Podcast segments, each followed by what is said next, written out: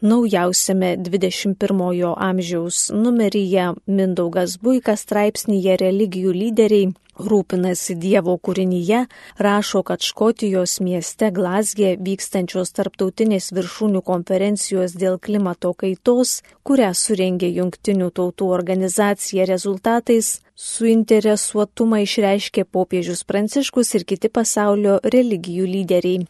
Šiuo tikslu gamtos dangiškojo globėjo Šventojo Pranciškaus Asižiečio liturginio minėjimo dieną spalio ketvirtąją Vatikane surinktas Didžiosios Britanijos ir Italijos ambasadų prie Šventojo sosto inicijuotas įtakingiausių dvasinių vadovų ir mokslininkų susitikimas Tikėjimas ir mokslas COP26 konferencijos link. Jame kartu su šventuoju tėvu Konstantinopolio patriarchu Baltramiejumi, Al-Azaro musulmonų didžiuoju imamu Ahmūdu Altajebu dalyvavę judaizmo, hinduizmo, sikizmo, budizmo, konfucionizmo, taoizmo, zoroastrizmo ir džainizmo religijų lyderiai, atstovaujantys beveik keturiems penktadalėms pasaulio tikinčiųjų, paskelbė kreipimas į Glasgo konferencijos dalyvius apie būtinybę globalių mastų rūpintis Dievo kūrinyje ir netidėliotinai doroti su klimato kaitos jai keliamomis grėsmėmis.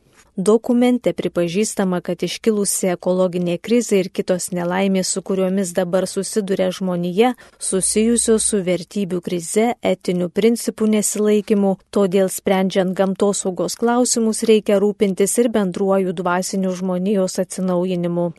Pareiškime, kurį kartu su 40 religinių lyderių pasirašė ir žymus akademikai, patvirtinamas poreikis glaudžiam tikėjimo ir mokslo bendradarbiavimui, kad būtų išsaugota mūsų planeta. Ateities kartos niekada mums netleis, jeigu praleisime turimą galimybę apsaugoti bendruosius namus, teigiama istorinėje deklaracijoje. Mes paveldėjome sodą ir negalime palikti jo kaip dykumos mūsų vaikams. Pramoninės šalis, kurios dėl savo ekonominės plėtros yra labiau atsakingos už klimato kaitą, turi rūpintis gamtosaugą ne tik savo namuose, bet ir finansiškai padėti vargingesniems bei labiau pažeidžiamoms šalims. Apie Lietuvai aktualius ekologinius klausimus savo mintis išsako mūsų šalyje viešėjusi antropologė ir garsiausia orangutangų tyrinėtoja Birutė Galdikas. Ji susirūpinusi, kad ir Lietuvoje smarkiai išaugo palmių aliejus vartojimas. Dėl palmių aliejus vartojimo mažėja žemės plaučiais vadinamų atogražų miškų, kartu su jais naikinamos orangutangų buveinės.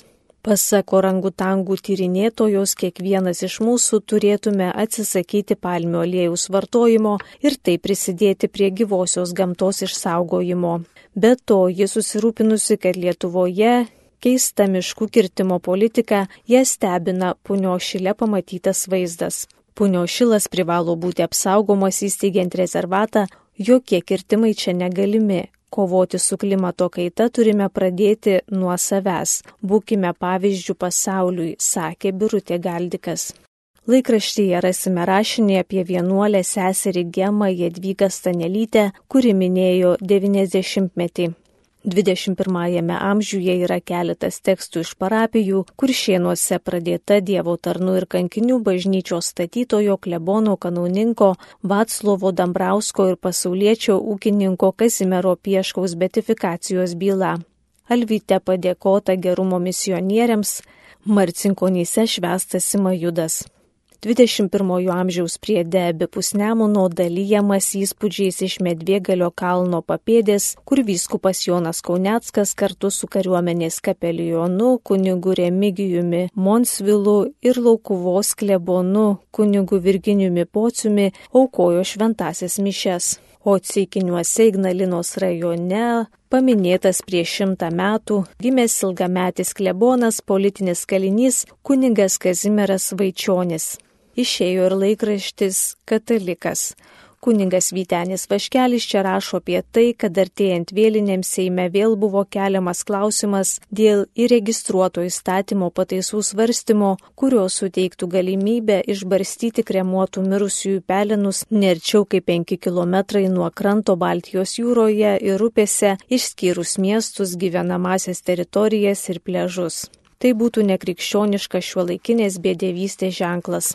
Tikėjimo mokymo kongregacijos instrukcijoje dėl palaikų kremavimo rašoma, jokiai dėl rimtų priežasčių pasirenkamas palaikų kremavimas, tuomet pelenai turi būti saugomi sakralioje aplinkoje, tai yra kapinėse, bažnyčioje ir kitoje tam skirtoje vietoje. Urnų saugojimas namuose neleistinas išskyrus tik tuos atvejus, kai dėl rimtų priežasčių vietos vyskupas tam suteikia leidimą. Siekiant išvengti bet kokių panteistinių, naturalistinių ir nihilistinių dviprasmybių, draudžiama pelenus išbarstyti ore, žemėje ar vandenyje.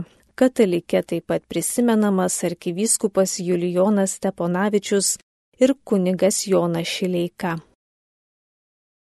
Laikraščio 21 amžiaus apžvalga parengė laikraščio redaktorius Romas Bacevičius.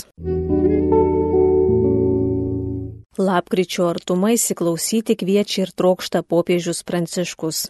Vienų mylimas, mėgstamas, kitų vertinamas atsargiai ir net kritiškai popiežius Pranciškus atkakliai žengia savo keliu, mėgindamas atgaivinti gyvąją bažnyčią, atnaujinti jos dvasę. Popiežius kviečia visus ir kiekvieną asmeniškai prisidėti prie visuotinės bažnyčios sinodinės kelionės. Ne kiekvieną žinome, kas yra sinodas ir koks vaidmuo jame tenka pasauliečiams. Kodėl jie, jūs, tu, aš esame į šią kelionę kviečiami. Ar mes mokame įsiklausyti į artimo poreikius, o gal laikomės nepajudinamos ir patogios pozicijos, kad bažnyčioje kaip ir valdžioje viską sprendžia kiti. Raginimas nebijoti sutikti nenuspėjamą Dievą gali suerzinti, tačiau lygiai taip ir įkvėpti visuotiniai bendrystiai. Svarbiausia popiežiaus siūloma intencija - įsiklausimas į artimą. Bažnyčia turi tapti girdinti.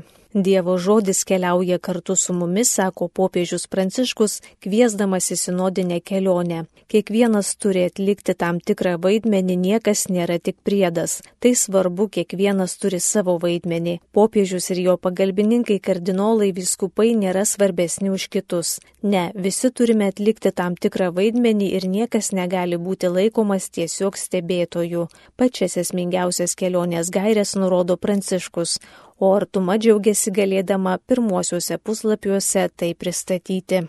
Kaip įsitempusiam darbų prispaustam ant perdėgymo ribos esančiam vyrui tėvui išvesti namų sukūryje džiaugtis, svarsto lapkričio artumoje tėvas kunigas Antanas Saulaitis.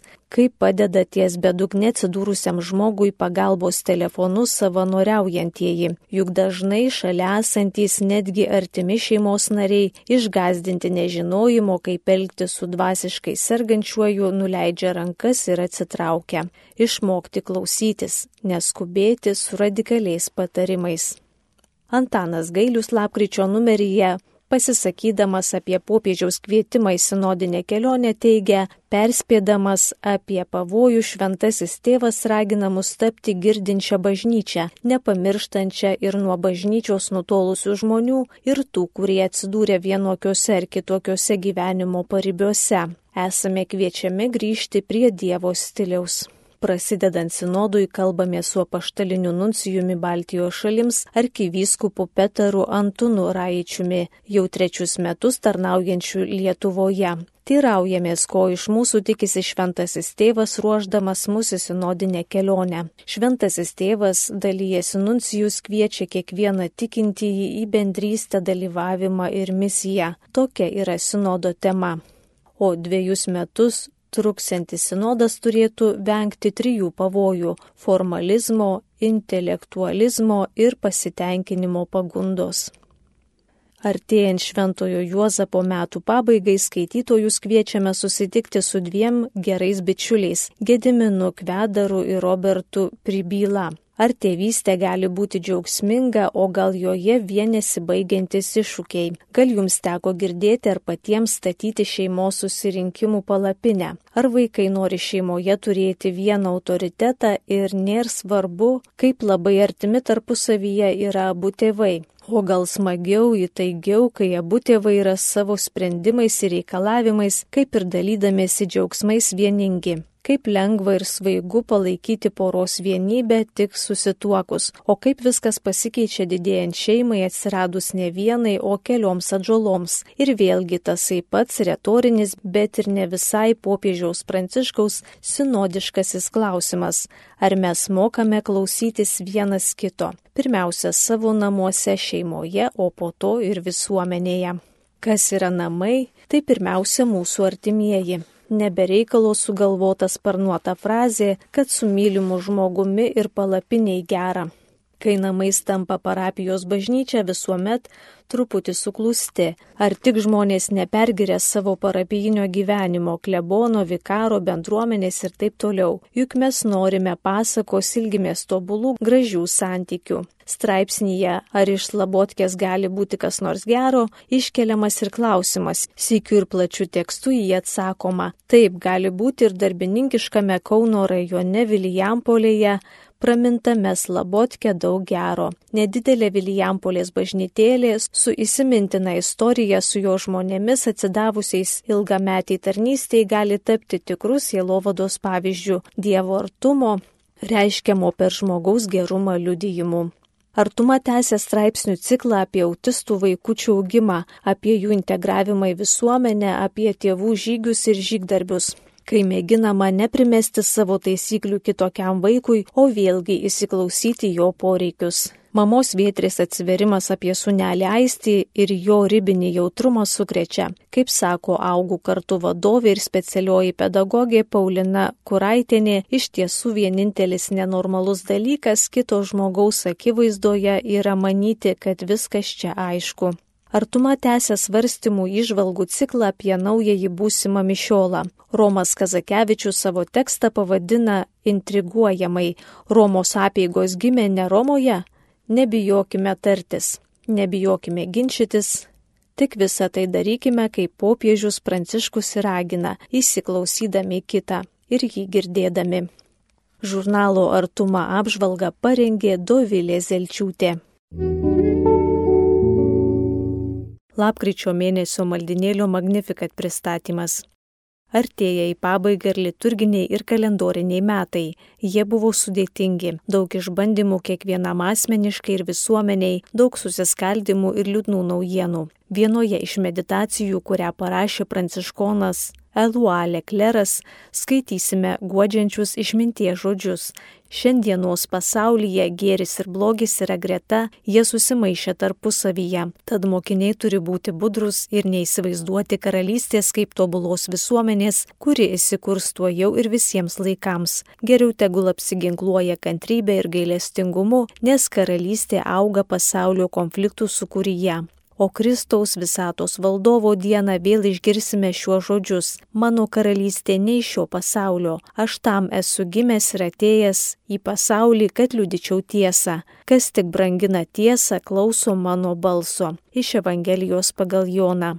Lapkričio numerio viršelį, kaip tik puošia dailininko Rogiro van der Veideno iškilmingas Kristaus teisėjo atvaizdas, iliustruojantis Evangelijos pagal Matą 25 skyriaus žodžius apie paskutinį teismą, padėsiantis apmastyti lapkričio šventojo rašto skaitinių temas. Nuo šio mėnesio maldinėlyje pradedame spausdinti benediktinių vienuolio iš Junktinių Amerikos valstijų Romo Šventojo Anzelmo universiteto dėstytojo Jeremijo Driskolo knygą Kas vyksta per mišes. Mišios yra pamatinis mūsų santykio su Dievu patyrimas per Jėzų, išgyvenamas ir švenčiamas visą savo pilnatvę. Ši patirtis padaro įmanomus visus kitus santykius. Kitaip tariant, dėl šio patyrimo tampa įmanoma mylėti kitus taip, kaip patys esame mylimi Dievo, rašo autorius. Rubrikoje mėnesio šventasis pažintis su italų pora, kuri palaimintųjų garbės sulaukė dėl savo šeimininio ir aktyvaus krikščioniško gyvenimo. Tai Marija ir Aloizas Beltramės Kvatrokiai. Apie jų gyvenimą maldinėlyje mums pasakos Vilija Tauraitė, o kasdien lydės palaimintosios Marijos mintys. Kuo įdomi Kano šeimų bendruomenė ir ką joje galima atrasti, bus galima perskaityti Jonės Kučinskaitės parengtame interviu. Kad šis darganotas metas kiekvienam būtų lengvesnis, esame kviečiami kartu su popiežiumi melstis už nuo depresijos kenčiančius žmonės. Ne tik melstis, bet ir nepamiršti, kad sunkumuose galime ieškoti pagalbos ar galbūt ją suteikti. Viltingai nuteikia ir praėjusį mėnesį visuotinėje bažnyčioje prasidėjęs sinodinis kelias. Bažnyčia yra kiekvienas iš mūsų krikštų tapęs jos dalimi kaip mes keliaujame drauge bažnyčioje ir kaip galėtume labiau aukti keliaudami drauge. Verta apie tai ne tik maldoje pamastyti, bet ir pasidalyti su kitais. Apžvalga parengė Magnificat redakcija. Žurnalo Magnificat vaikams pristatymas. Mėly vaikai, tėveliai, katechetai ir ugdytojai. Įsibėgėjus rudeniui dienos vis trumpėja, o vakarai eina vis tamsin. Tačiau ilgi ir tamsus vakarai tarsi kviečia šeimą susiburti ir daugiau laiko praleisti kartu. Štai jau lapkričio pradžioje paminėję visus šventuosius, susitinkame su savo artimaisiais ir prisimename mums brangius išėjusius žmonės. Kartu uždegame ant mirusiųjų kapų žvakutes, jų šviesa mums primena Kristų, kuris yra amžinoji šviesa, vedanti į dangaus karalystę. Šiame numeryje kviečiame gilintis į svarbiausią temą - Dievo sandorą su žmonėmis. Senajame testamente dažnai girdime žodį sandora. Ką jis reiškia? Kokias sandoras Dievas sudarė su žmonėmis? Advento laikotarpiu liturgijoje vis dažniau prabylama apie teisiantį išganytoją, apie Dievo žmonijai nuo amžių duotą pažadų išsipildymą kaip šventosios kalėdos yra susijusios su sandoromis. Ilgais vakarais džiaukitės vieni kitais, pasipuoškite namus, skaitykite kartu ir melskitės, gėdokite ir dainuokite. Neužmirškime vargstančių ir nuskriaustųjų. Būtinai pasigaminkite meduolinę prakartėlę ir ne vieną. Atėjus kalėdoms jį puoš namus, o kitos gali tapti nuostabę dovaną gražių ir viltingų visų šventųjų ir vėlinių švenčių, šviesaus advento ir džiaugsmingų šventų kalėdų. Te Kristaus šviesa karaliauja jūsų sielose.